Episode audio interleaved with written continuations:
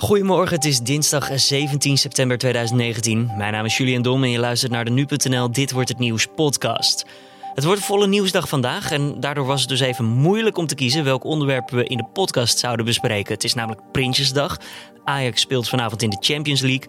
En in en rondom Saudi-Arabië is veel te doen om de aanslag op olieinstallaties. Uiteindelijk hebben we gekozen voor de verkiezingen in Israël. De Israëliërs gaan dit jaar namelijk voor de tweede keer naar de stembus. Premier Benjamin Netanyahu was er na de vorige stembusgang in april niet ingeslaagd om een coalitie te vormen. Inmiddels heeft Netanyahu wel een duidelijk plan. De bedoeling van Netanyahu is natuurlijk om de verkiezingen te winnen. Dat in de eerste plaats. En dan te proberen de huidige situatie waarin hij de Amerikaanse steun heeft, voor Israël een zo gunstig mogelijke uitgangspositie eh, te creëren. Dat was Midden-Oosten-deskundige Ruud Hof en met hem praten we straks verder. Uiteraard vergeten we al die andere onderwerpen die ik aan het begin noemde niet. Uh, zo komen we straks uitgebreider terug op de situatie Saudi-Arabië en publiceren we tegen het eind van de middag een bijzondere podcast-uitzending over Prinsjesdag. Collega Carne van der Brink is daarvoor vanmiddag in Den Haag en zal de dag doornemen met onze politiek verslaggevers. Eerst dan nu kort het belangrijkste nieuws van nu. Robert Oei, de partner van de Amsterdamse burgemeester Femke Halsema, is officieel aangemerkt als verdachte vanwege het in bezit hebben van een revolver.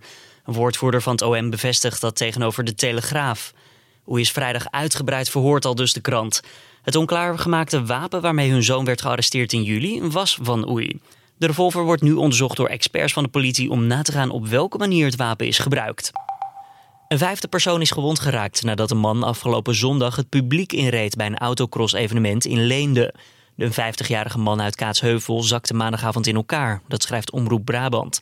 Zondag werd het slachtoffer enkele keren op zijn hoofd geslagen met een helm. Dat nadat hij probeerde de sleutel uit de auto te pakken van de bestuurder die op het publiek inreed. Aanvankelijk had de man alleen last van hoofdpijn, maar s'avonds zakte hij thuis alsnog in elkaar. Zijn vrouw belde daarop een ambulance. Het is nog onduidelijk wat voor letsel de man precies heeft. Woensdag zal hij samen met zijn vrouw aangifte doen van mishandeling.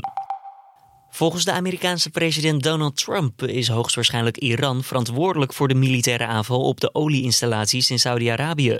Dat is volgens de president echter geen reden om een oorlog te beginnen. I want war? I don't want war with anybody. I'm somebody that would like not to have war. We have the strongest military in the world. We've spent more than a trillion and a half dollars in the last short period of time on our military. Nobody's even come close. Uh, but with all of that being said, we'd certainly like to avoid it. Op dit moment is er nog een onderzoek gaande naar de mogelijke betrokkenheid van Iran bij de aanvallen. Iran zelf ontkent de beschuldigingen en noemt deze onbegrijpelijk en betekenisloos.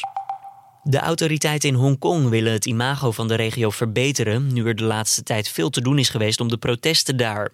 In totaal zijn acht grote PR-bureaus gevraagd om hierbij te helpen. Vier daarvan lieten direct weten de opdracht niet te willen, omdat dat schade kon veroorzaken aan het eigen imago. Inmiddels hebben de andere vier bureaus ook laten weten de opdracht te laten schieten. Daardoor lijken er geen gegadigden te zijn om het Hongkongse bestuur te helpen. Protesten in de regio begonnen maanden geleden vanwege een omstreden wetsvoorstel dat uitlevering aan het vasteland mogelijk maakte. Daardoor zouden mensen uit Hongkong uitgeleverd kunnen worden aan China. Inmiddels is het voorstel van tafel, maar de demonstranten hebben meer eisen die zij graag ingewilligd zien worden.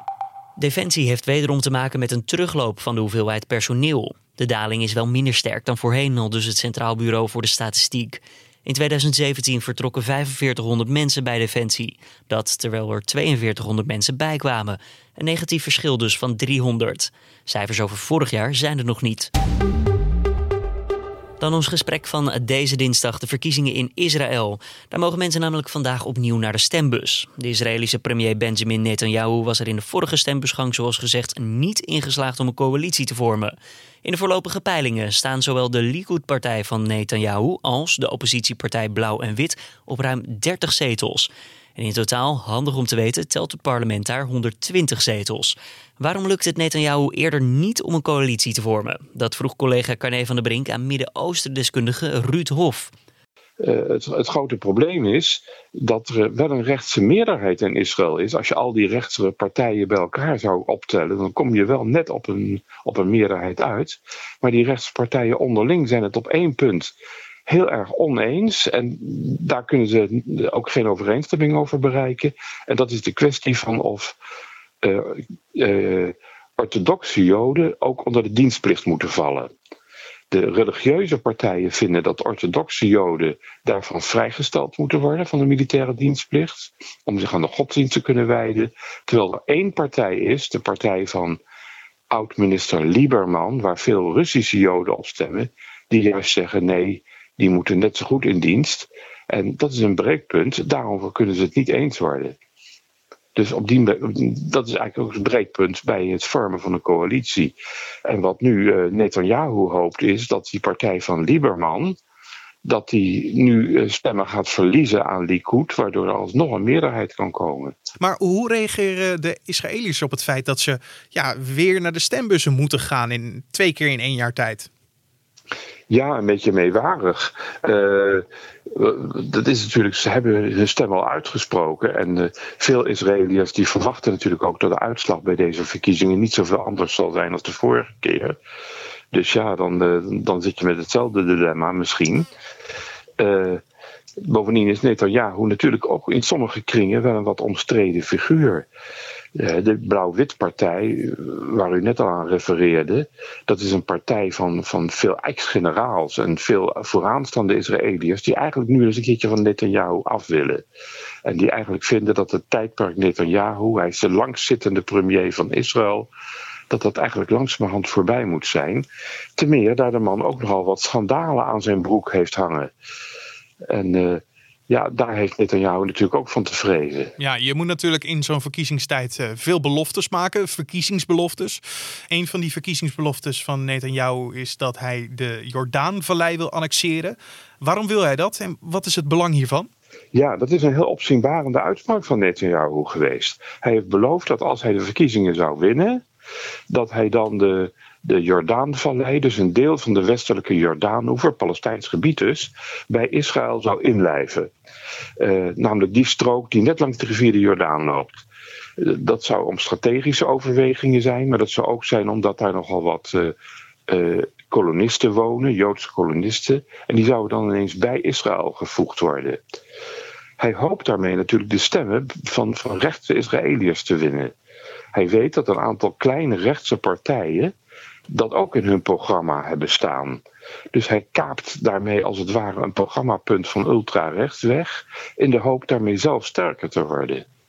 Zo'n belofte is bovendien min of meer geloofwaardig, omdat het niet ondenkbaar is dat de Verenigde Staten, president Trump, eigenlijk het wel eens is met dat idee. En ja, als dat zou gebeuren, als inderdaad de, de, de oever van de Jordaan bij Israël gevoegd zou worden, uh, dan zou er van de Palestijnse staat steeds minder overblijven. En als er ooit nog een Palestijnse staat komt, dan zou die volledig door Israël omringd zijn. Ik las inderdaad dat Netanyahu dit kan doen als hij de steun heeft van Trump, van Amerika. En dat overal wel zichtbaar is dat over deze verkiezingen de schaduw van Trump zichtbaar is. Ja, nou ja, Trump die heeft natuurlijk sinds zijn aantreden, uit verschillende dingen blijkt dat, steeds uh, bijna kritiekloos de kant van Israël gekozen. Hij, uh, hij wil graag dat Jeruzalem de hoofdstad uh, wordt of blijft van Israël. Hij heeft de Israëlische soevereiniteit over de Golanhoogvlakte erkend. Heeft de hulp aan de Palestijnen stopgezet. En ja, alles wijst er nu ook op dat hij nu ook met een vredesplan wil gaan komen, gemaakt door zijn eigen schoonzoon notabene. Wat, er, wat niet per se hoeft te voorzien in een, in een Palestijnse staat. In, in rechtse kringen in Israël is dat natuurlijk, uh, klinkt dat als muziek in hun oren. Want ja, het is duidelijk dat als, als Amerika volledig achter Israël staat, dat dat de Israëlische positie aanzienlijk versterkt in deze zaken. Ja. Maar voor de Palestijnen is dit natuurlijk rampzalig, want dat betekent dat ze volstrekt geïsoleerd zijn en dat uitzicht op een Palestijnse staat, wat er eigenlijk toch al heel betrekkelijk weinig was, dat dat nu helemaal naar de achtergrond gaat. Maar dit gaat dan toch leiden tot grote conflicten tussen Israël en Palestina, wat er natuurlijk al is, maar nog in een extremere vorm. Ja, dit gaat inderdaad leiden tot grote conflicten. Nou, zijn de, de, officiële onderhandelingen tussen Israël en de Palestijnen liggen eigenlijk al, al stil. Daar zal zeker geen verbetering in komen. Maar ik denk ook niet dat dat de bedoeling van Netanyahu is. De bedoeling van Netanyahu is natuurlijk om de verkiezingen te winnen. Dat in de eerste plaats. En dan te proberen de huidige situatie waarin hij de Amerikaanse steun heeft, voor Israël een zo gunstig mogelijke uitgangspositie uh, te creëren. En het lijkt erop, als hij de verkiezingen zal gaan winnen, dat hij daar voorlopig ook wel in zal kunnen slagen. Want ook iets wat nog boven deze man hangt, zijn, u zei het net al, zijn de corruptieverhalen. Wat houden die precies in? Ja, er lopen verschillende corruptieverhalen. In de eerste plaats natuurlijk dat hij nogal wat, uh, wat staatsgeld uh, heeft gebruikt voor zijn eigen uh, doeleinden. dineetjes en uitgang, uitgaan en dergelijke. En daarbij wordt ook steeds de naam van zijn vrouw genoemd, Sarah. Maar dat is misschien nog het minst erge. De, de, de ergste fraude- en corruptieschandalen betreffen ja, de aanklacht die inmiddels tegen hem is ingediend, omdat hij een belangrijk telecommunicatiebedrijf en een belangrijke krant uh, voordelen zou hebben geboden vanuit de regering in ruil voor gunstige publiciteit. Dus dat hij eigenlijk uh, reclame heeft gekocht in ruil voor, voor allerlei gunsten. En ja, dat is moeilijk te bewijzen, maar dat onderzoek loopt op dit ogenblik wel. En de openbaar aanklager is daar nu mee bezig. Er is dus een hele reeks van, van, van schandalen die op dit ogenblik meespeelt. En waarvan je ook kan afvragen. Uh, in hoeverre dit allemaal past in het democratisch gehalte van de staat. Ja, want als hij straks weer wint en hij wordt de premier met een nieuw kabinet, wat dan gevormd gaat worden, kan hij dan uh, eigenlijk een soort van kwijtgescholden worden voor deze corruptieverhalen als het tot een rechtszaak komt uiteindelijk? Ja, dan kan inderdaad, nou kwijtgescholden is misschien niet het geval, maar wel in ieder geval opgeschort. Mhm. En dan is hij als premier voorlopig eventjes uit, uh, uit de wind, zeg Veilig, maar. ja. Uh, hij, zal, dan moeten gaan samenwerken. Dat is natuurlijk onvermijdelijk toch met een aantal kleinere partijen. En dat zullen dan vooral de religieuze kleine partijen zijn. Die zelf overigens ook met corruptieschandalen te maken hebben. Dus die zullen hem inderdaad, wat dit betreft, uh, misschien de hand wel boven het hoofd houden. De grote vrees voor Netanyahu is natuurlijk die blauw-wit combinatie. Dat is de grote partij die, uh, die in het midden zit. Met veel oud-generaals die een grote populariteit genieten. En die met name corruptie tot een van hun belangrijkste thema's gemaakt hebben. Dus die zullen met name Netanyahu op dit punt aanvallen. En de vraag is in hoeverre dat bij de Israëlische kiezers. Uh, inderdaad zal aanslaan. Maar wordt dit dan vandaag een spannende dag met mogelijk onverwachte factoren en uh, verrassingen? Of zal het een dag worden die volgens het boekje gaat lopen voor misschien uh, Netanyahu? Nou, het is toch wel een beetje spannend, omdat natuurlijk toch wel op het spel staat of Netanyahu zijn carrière kan voortzetten. Daar gaat het eigenlijk om. Uh, mocht Blauw-Wit het winnen, dan wordt dat toch wel heel moeilijk. En uh, de, de vraag is, dus eigenlijk zijn er twee vragen. Wat, wie, wie wordt de grootste partij? En de tweede vraag is uh, of Netanyahu uh, met zijn Likud-partij zoveel kleine partijtjes bij elkaar kan sprokkelen dat hij toch een meerderheid kan krijgen. Dus het zijn twee vragen die gezamenlijk moeten leiden tot een meerderheidsvorming. Het is ook heel best mogelijk dat de verkiezingen eindigen in een soortgelijke uitslag als in april. En dat we gewoon met, de, met deze ja, deze blokkade blijven zitten als het ware. En zoals gezegd moeten we het ook nog eventjes hebben over de situatie in Saudi-Arabië. Afgelopen zaterdag werden olieinstallaties daar aangevallen door drones. Iran wordt nu aangewezen als mogelijk de verantwoordelijke hiervoor. Carné vroeg later aan Ruud Hof, omdat we de ontwikkelingen nog even wilden aankijken, of dit gevolgen heeft voor de verkiezingen in Israël. Ja, dat is natuurlijk speculatie. Uh, maar ja, ik denk dat uh, in, in, in, Israël wordt over het algemeen Iran wel als de grote vijand gezien en een bedreiging voor de stabiliteit in de hele regio. Dus, uh, en met name Netanyahu heeft natuurlijk in het verleden ook heel sterk tegen Iran gekeerd altijd. Met steun van Trump, uiteraard. Dus ik denk dat het Netanyahu niet slecht uitkomt. Misschien dat het hem wat extra stemmen oplevert. Maar aan de andere kant denk ik ook niet dat bij de verkiezingen dit een heel belangrijk thema is op dit ogenblik. Er zijn andere dingen die voor de Israëliërs op dit ogenblik belangrijker zijn.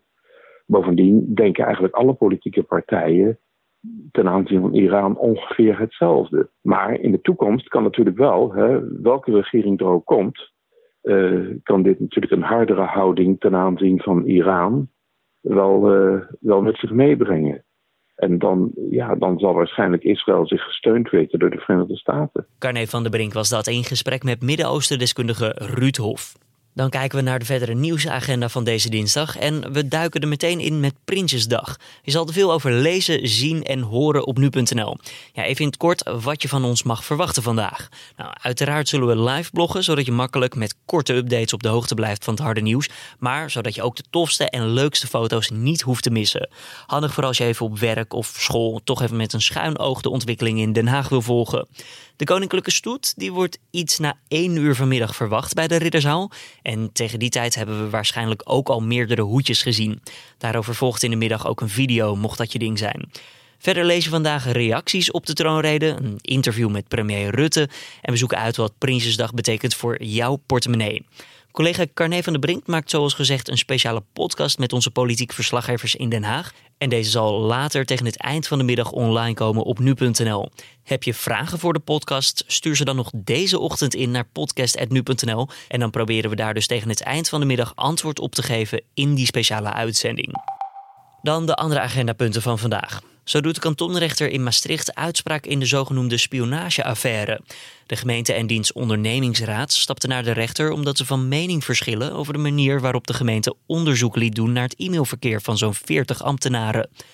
De gemeente schakelde daar namelijk een detectivebureau voor in, die volgens de vakbond CNV Overheid op intimiderende wijze te werk ging. De ambtenaren die werden bespioneerd waren kritisch over een samenwerkingsverband van Maastricht en twee andere gemeenten. Ajax begint dinsdag naar de fraaie halve finale plaats van vorig seizoen aan een nieuw Champions League avontuur. De Amsterdammers starten de groepsfase van de Champions League met een thuiswedstrijd tegen Lille. Dat team eindigde vorig jaar als tweede in de Franse competitie. De wedstrijd begint om 9 uur in een uitverkochte Johan Cruijff Arena en staat onder leiding van de Servische scheidsrechter Shardan Jovanovic. Dan het weer voor deze dinsdag 17 september. Het is wisselend bewolkt met vooral in het noordoosten van het land enkele buien. De maximumtemperaturen liggen tussen de 15 en 17 graden. Er staat een matige tot krachtige zuidwestenwind. En dan nog even dit. De premier van Luxemburg zou gisteren namelijk samen met de premier van het Verenigd Koninkrijk, Boris Johnson, een persconferentie geven. Dat nadat beiden in Luxemburg hadden gesproken over de brexit. Toen het duo naar buiten richting de microfoon liep, liet een anti-Brexit groep zich luidkeels horen. Johnson besloot daarop geen gebruik te maken van zijn mogelijkheid om de pers toe te spreken. De premier van Luxemburg deed het wel en haalde meteen hard uit.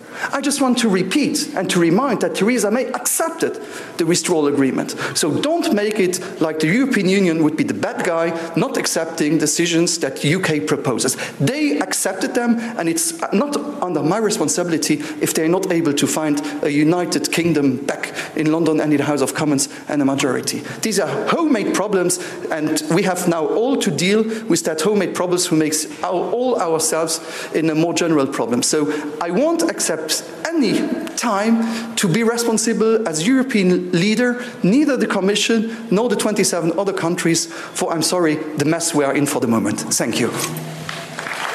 Wat de Luxemburgse premier dus zegt is: het is niet mijn verantwoordelijkheid dat zij geen Verenigd Koninkrijk kunnen vinden daar in Londen. Tijdens die persconferentie wees de premier ook meerdere keren naar de lege plek naast hem, waar dus Boris Johnson had moeten staan. Mocht je de hele video van de BBC willen zien, die er ja, ook redelijk komisch uitziet, check dan even de beschrijving van deze podcast voor een linkje. En dit was dan Dit wordt het nieuws deze ochtend, dinsdag 17 september. Heb je tips voor ons of heb je kritiek of feedback? Stuur het dan toe naar podcast.nu.nl. En nogmaals, heb je vragen voor de podcast special vanmiddag over Prinsjesdag? Mag het ook allemaal die kant op. Ik wens je voor nu in ieder geval een hele fijne en informatieve dinsdag. Mijn naam is Julian Dom en we spreken elkaar morgenochtend weer om 6 uur ochtends.